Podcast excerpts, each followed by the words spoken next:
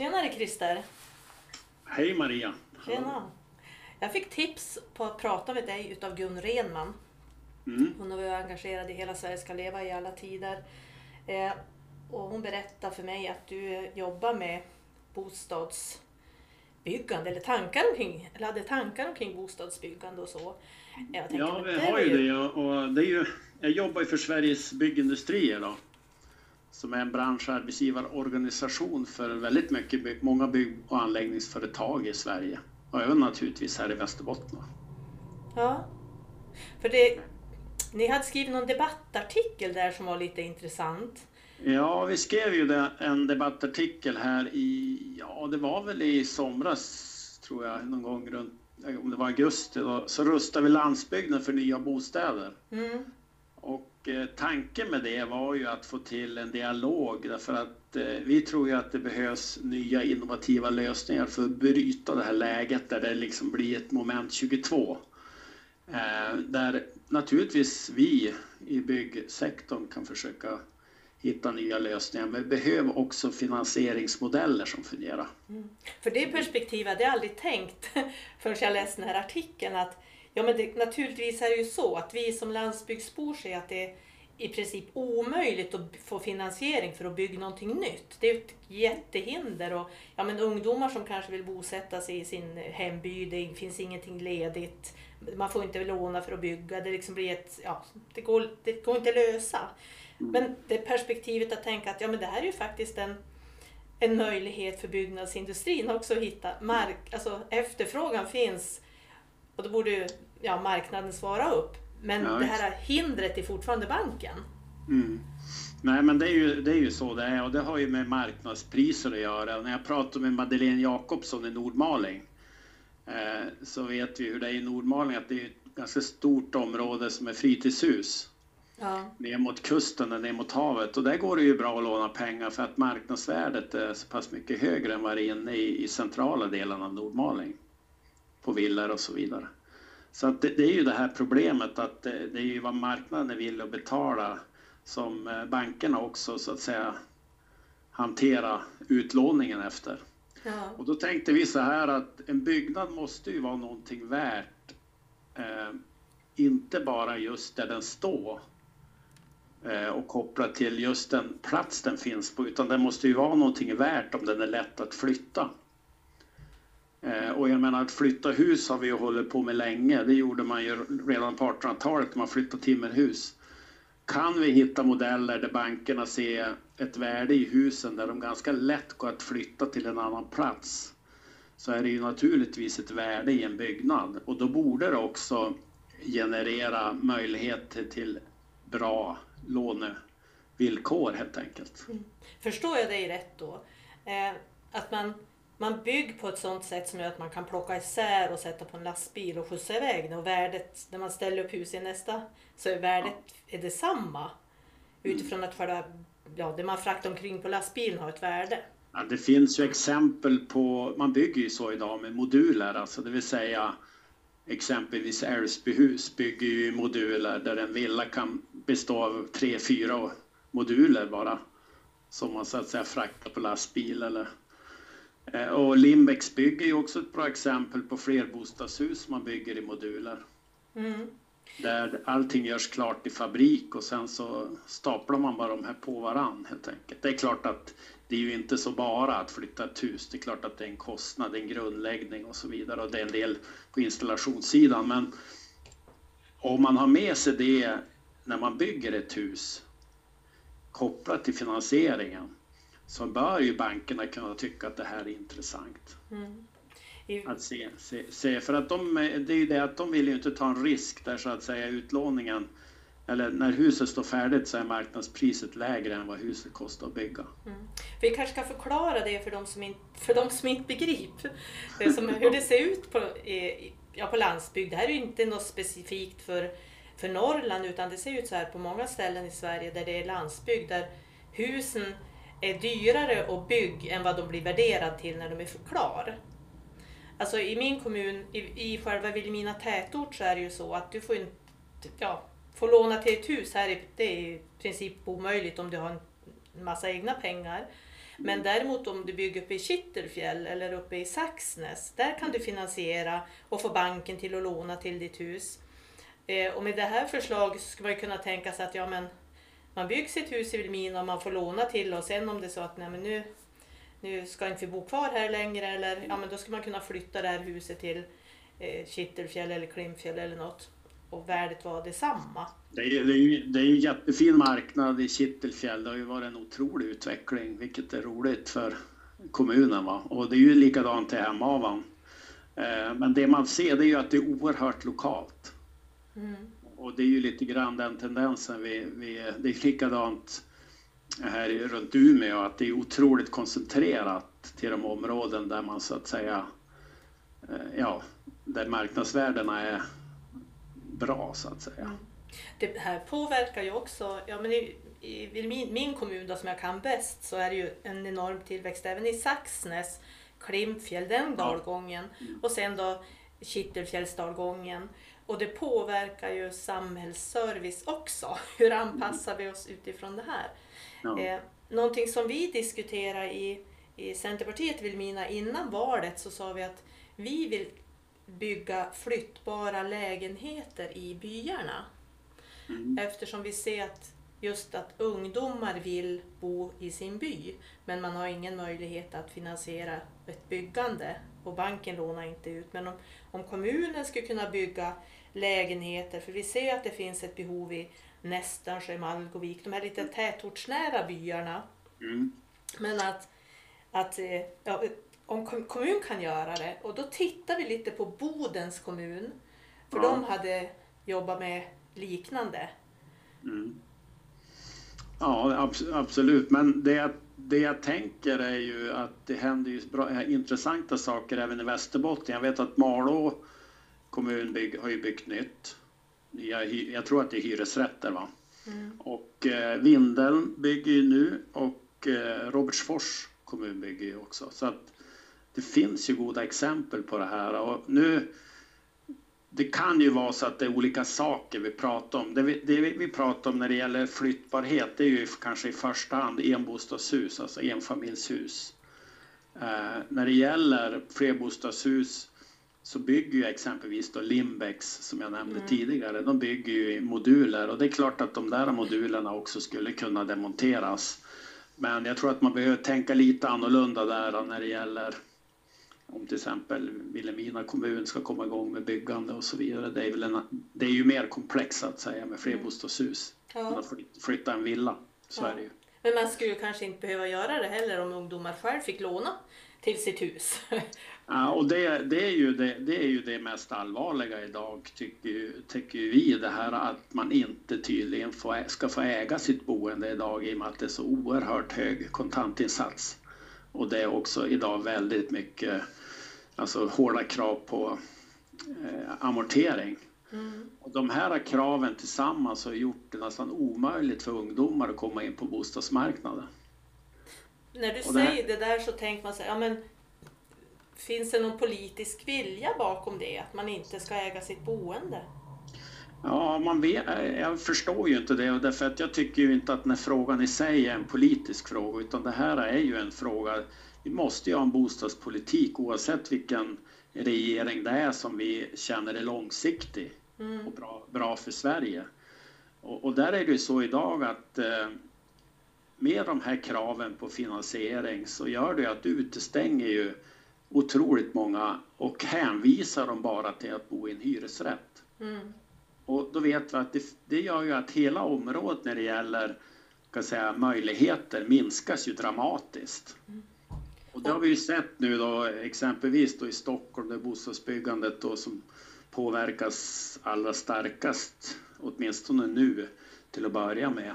Får väl se vad som händer i andra delar av landet men, men eh, det är ju stannar ju av jättemånga projekt nu på grund av det här att eh, det är svårt att bygga bostadsrätter. Ja. Och det är ju en del av det här med den här bostadspolitiken har ju styrt så otroligt mycket från eh, ska man säga, utifrån det som händer i, i storstäderna. Och det är klart att den marknaden är ju störst. Men de åtgärder som man gjorde, det var ju för att dämpa den här pris, prishysterin så att säga som, som pågick i Stockholm. Men jag är inte så säker på att det var de här åtgärderna som var de rätta. För nu stänger vi ju faktiskt ute jättemycket ungdomar från bostad, att få köpa sin första bostad. Mm. Vi tror ju tvärtom att man bör underlätta för ungdomar att komma in på bostadsmarknaden. Ja, för dessutom är det ju så att hyreslägenheter, de finns ju i stan. De finns ju liksom ja, inte i, Nej, i men det är ju det är väldigt få hyreslägenheter i, i eh, kommunerna i landet, så är det ju. Det är ja. klart att de flesta bor ju, bor ju ute på ett, ett hus eller en villa. Mm. Jag kom faktiskt precis nu innan jag eh, ringde upp dig här på Skype så eh, kom jag från en träff med det kommunala bostadsbolaget här, mm. här lokalt där vi pratade om just hur det ser ut och eh, hur man renoverar upp lägenheter och man har rivit bort något hus och sådär. Men att standarden är väldigt hög ändå i bostadsbeståndet som finns av hyreslägenheter i, i, i inlandet och att man ligger rätt bra till ändå. För att mm. eh, det beror på lite grann hur husen är byggda och sådär men att det, ser, det är rätt bra standard ändå. Det, det som naturligtvis när man säger då att eh, man hör ju många som säger att vi ska bygga billiga hyresrätter som folk har råd att bo i. Mm.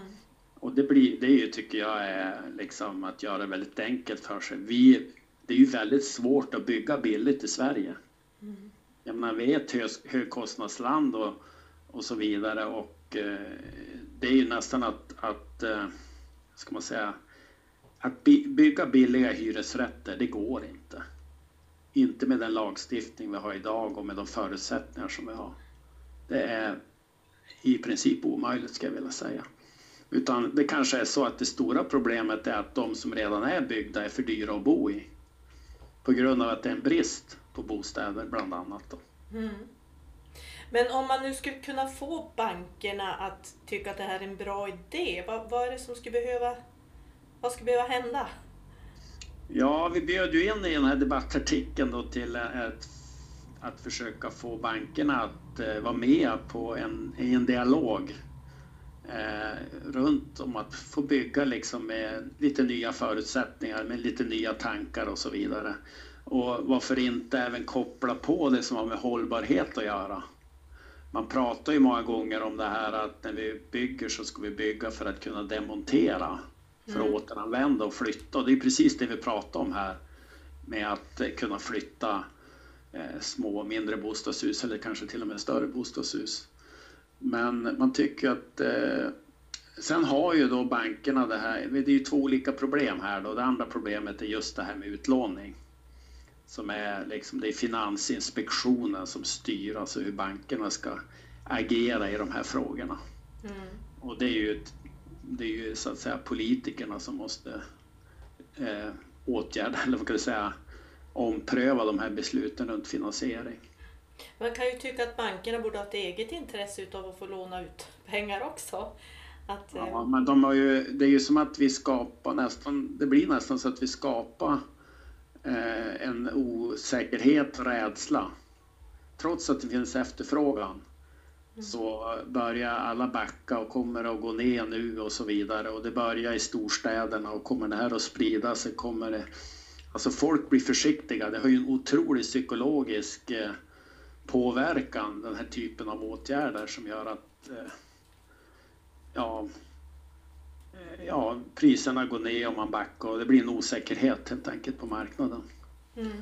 Och, och, så har det ju varit inom, vad jag, säga, de, jag har ju jobbat många år med bostäder fast på olika sätt. Och vi har ju aldrig haft någon långsiktig bostadspolitik i Sverige på många, många år. Vi har till och med byggt mycket mindre än vad våra grannländer har gjort om man ser på statistik. Ja, jag har varit på någon föreläsning om just det där att det är så otroligt svårt att vi har liksom bundit in oss i ett hörn och det är svårt att ta sig därifrån för att ja, politiken är så bakbunden också. Därför, vi skrev en debattartikel i, i eh, juni här också om bostadspolitiken, alltså att den styrs otroligt mycket från åtgärder som är så att säga nationella eller påverkar nationellt som, som har egentligen med, med storstäderna att göra. Mm. Och, och, de här åtgärderna som är gjort är så otroligt kortsiktiga. Du vet ju det här med, med bidrag till hyresrätter som eh, nu, var det på, nu skulle det ju tillbaks igen. Det Ja. drogs ju handbromsen här vid årsskiftet och så Mm. nu skulle tillbaks. Så det är klart att projekt som var påbörjade får ju väldigt illa av att man plötsligt ändrar förutsättningarna i, i budgeten Ja. med, med det här. Så det är klart att det, men det är ju inget långsiktigt. Vi har ju, vi har ju på 90-talet då fasade vi ut statliga stöd Mm. till bostadsbyggande. För att vi tyckte inte att eh, då, det var ju ingenting som fungerade särdeles bra. Eh, och nu är det diskussioner om att man kanske behöver det igen. Men, men eh, ja, det är ju ingen långsiktig lösning med att bara bygga hyresrätter. Det, vi tycker att det borde vara en mångfald av olika boendeformer som det är ju så olika förutsättningar också i hela landet, inte minst i inlandet i Västerbotten om man säger.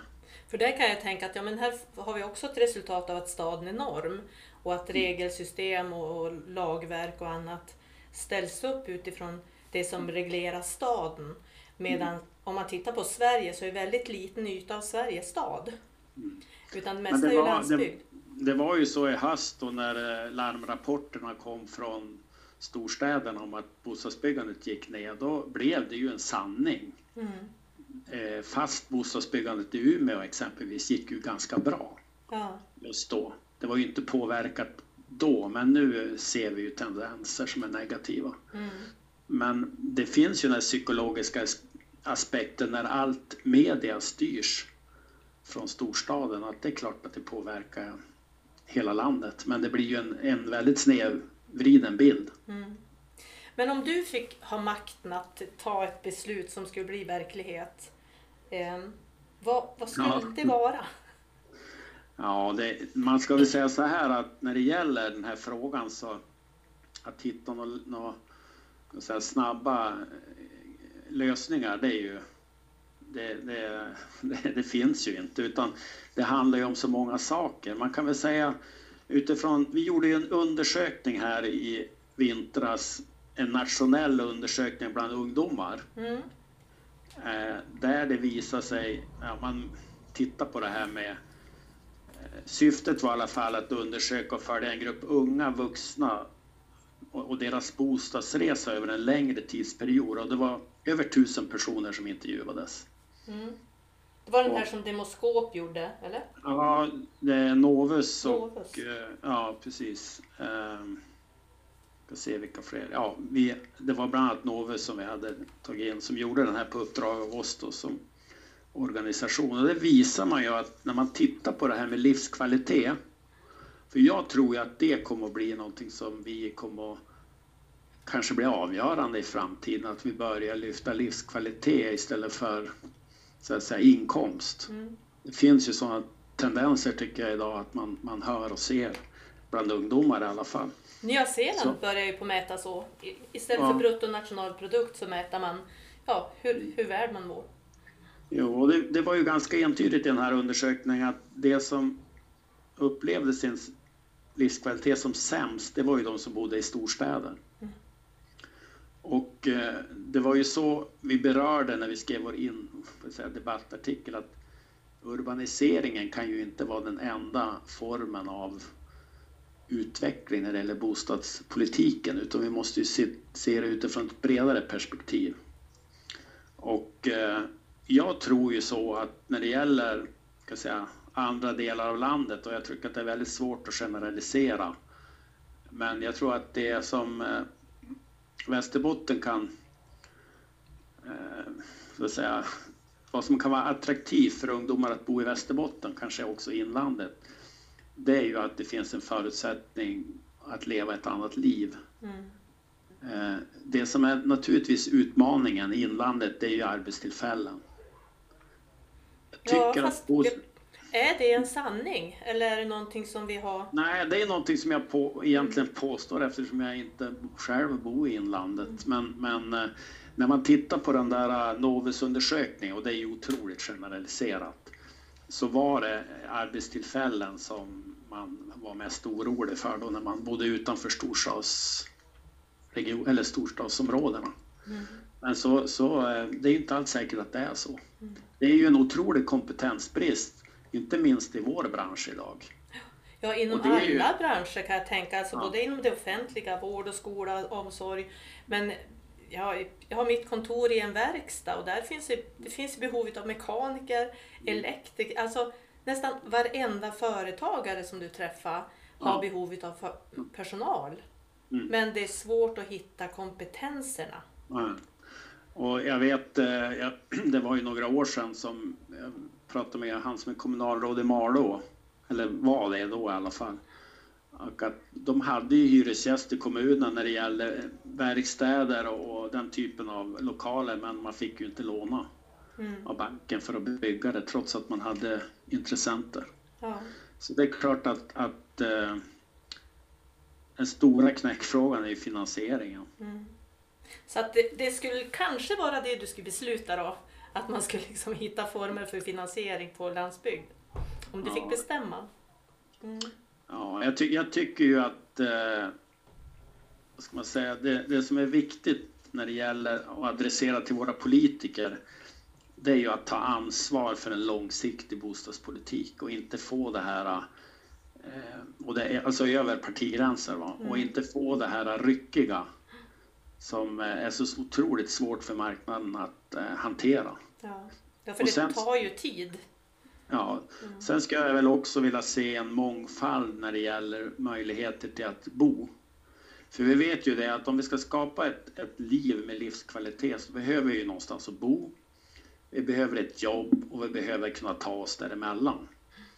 Och att bo i Västerbotten, då finns ju alla de här möjligheterna att skapa ett bra liv för många som vill bo, kanske inte i en stor stad.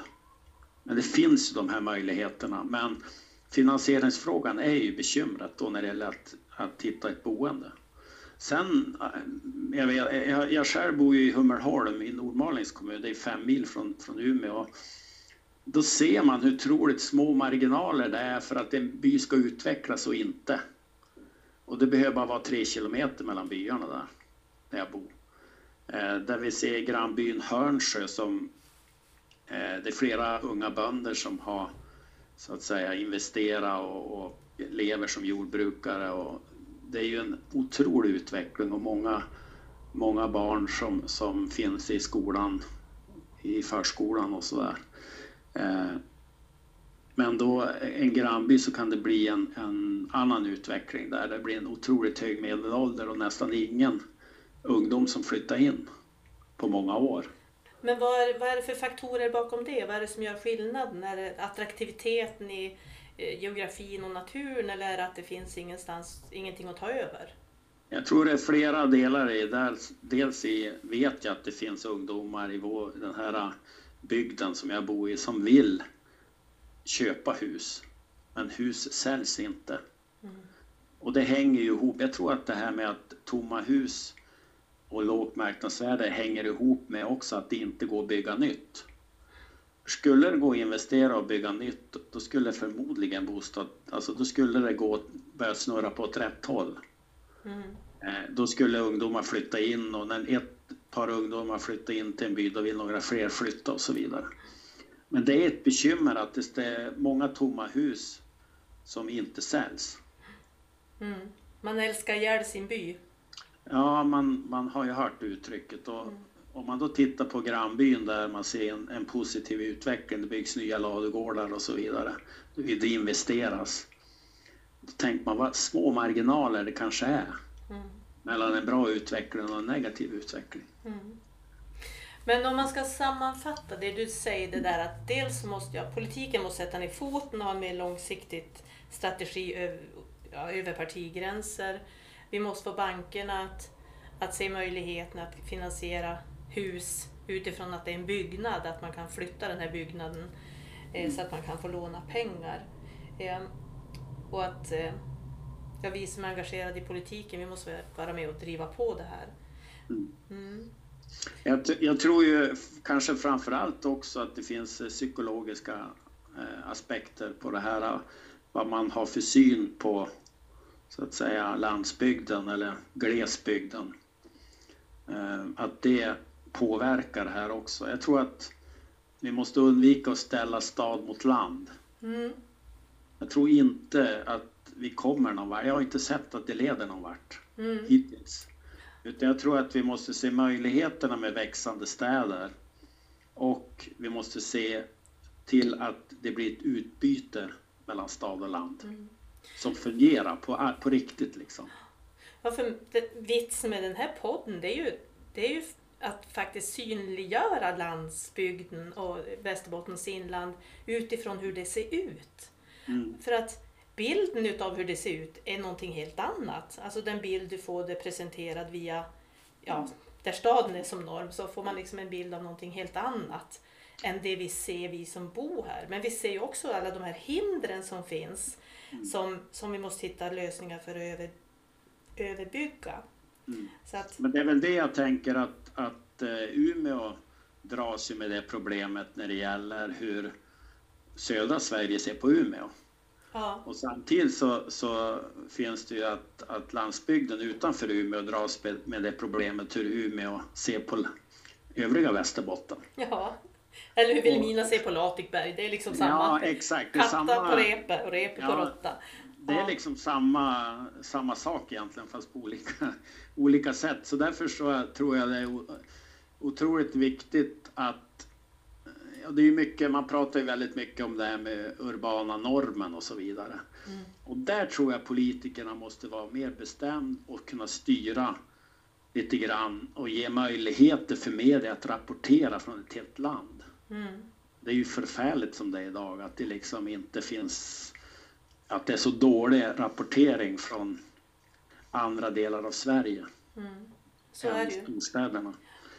Och det det är ger ju också den här bilden av vårt land som, som där tror jag media har ju ett jättestort ansvar. Ja. Men politiken också utifrån att man, Ja. man kan inte uttrycka att ja, men det måste bo människor på landsbygden så att det finns någon verksamhet där när stadsborna ska ut på semester.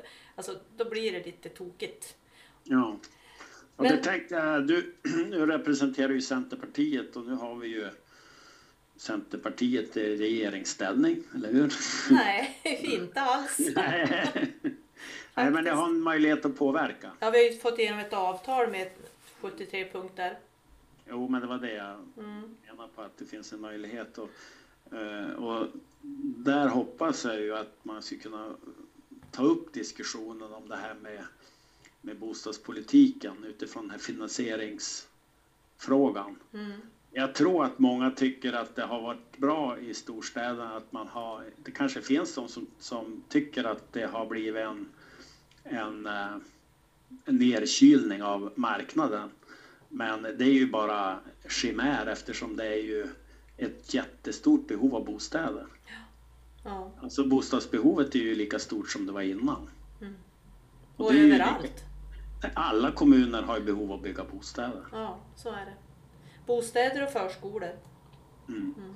Sen hoppas jag ju också att eh, vi får till Norrbotniabanan nu för, för att vi får finansieringen klar så att det verkligen kommer igång. Det skulle ju behövas så mycket eh, när det gäller infrastruktur i länet. Och där tror jag att eh, vi måste rusta vägarna från kusten upp i inlandet också. Och se till att vi får bättre vägar, bättre kommunikationer och så vidare. Inom Jag hoppas mycket på. Inlandsbanan naturligtvis som inlandsbo. Eh, Mm. Här i, i helgen så kommer ju ett tåg som gick ifrån Malmö upp som levererar gäster upp till skidanläggningar i, i ja, alla de här fjälldalarna. Ja, jag såg ju det. Ja. Och imorgon så ska det gå ett tåg efter Inlandsbanan med politiker från olika departement som ska titta på Inlandsbanan. Så att, ja, ja, ja, det vill, folk vill ju åka tåg. Folk Ja, vill vara tror- klimatsmart. jag tror att det är så att om vi kan ordna med bättre kollektivtrafik så kan vi få mycket större arbetsmarknadsregioner. Så att det är möjligt att eh, eh, exempelvis bo i Lycksele och jobba i Umeå eller tvärtom. Va? Att, att man kan ta sig emellan på ett mycket bättre sätt. Vet du, det som min morfar sa, det mesta är, det, det mesta är faktiskt ogjort.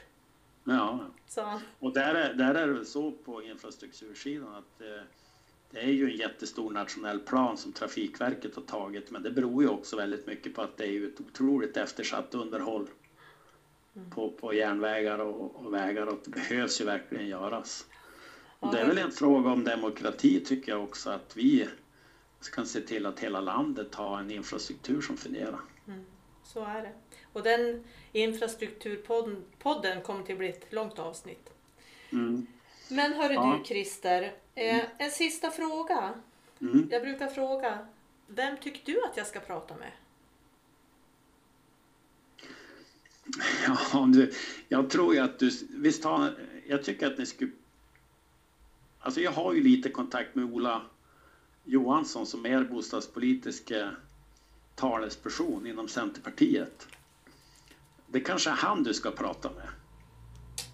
Jag träffar kanske imorgon kväll. Jag tar det då. Precis. Ja.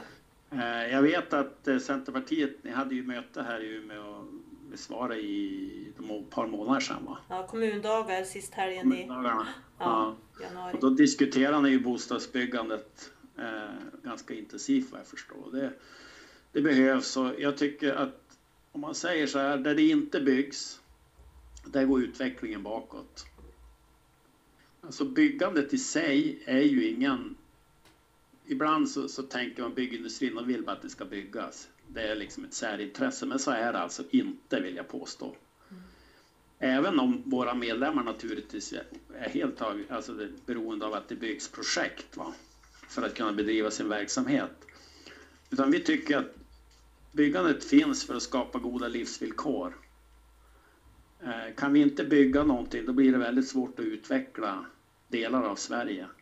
Och kan vi bara bygga i vissa delar av Sverige då blir det problem för de andra delarna där det inte går att bygga. Eh, så att vi behöver en mångfald av boendeformer istället för en begränsning som det är idag. Mm.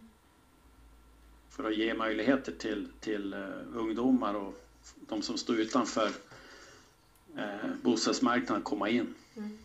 Så ni som nu funderar på att ni skulle vilja bygga ett hus och lyssna på den här podden.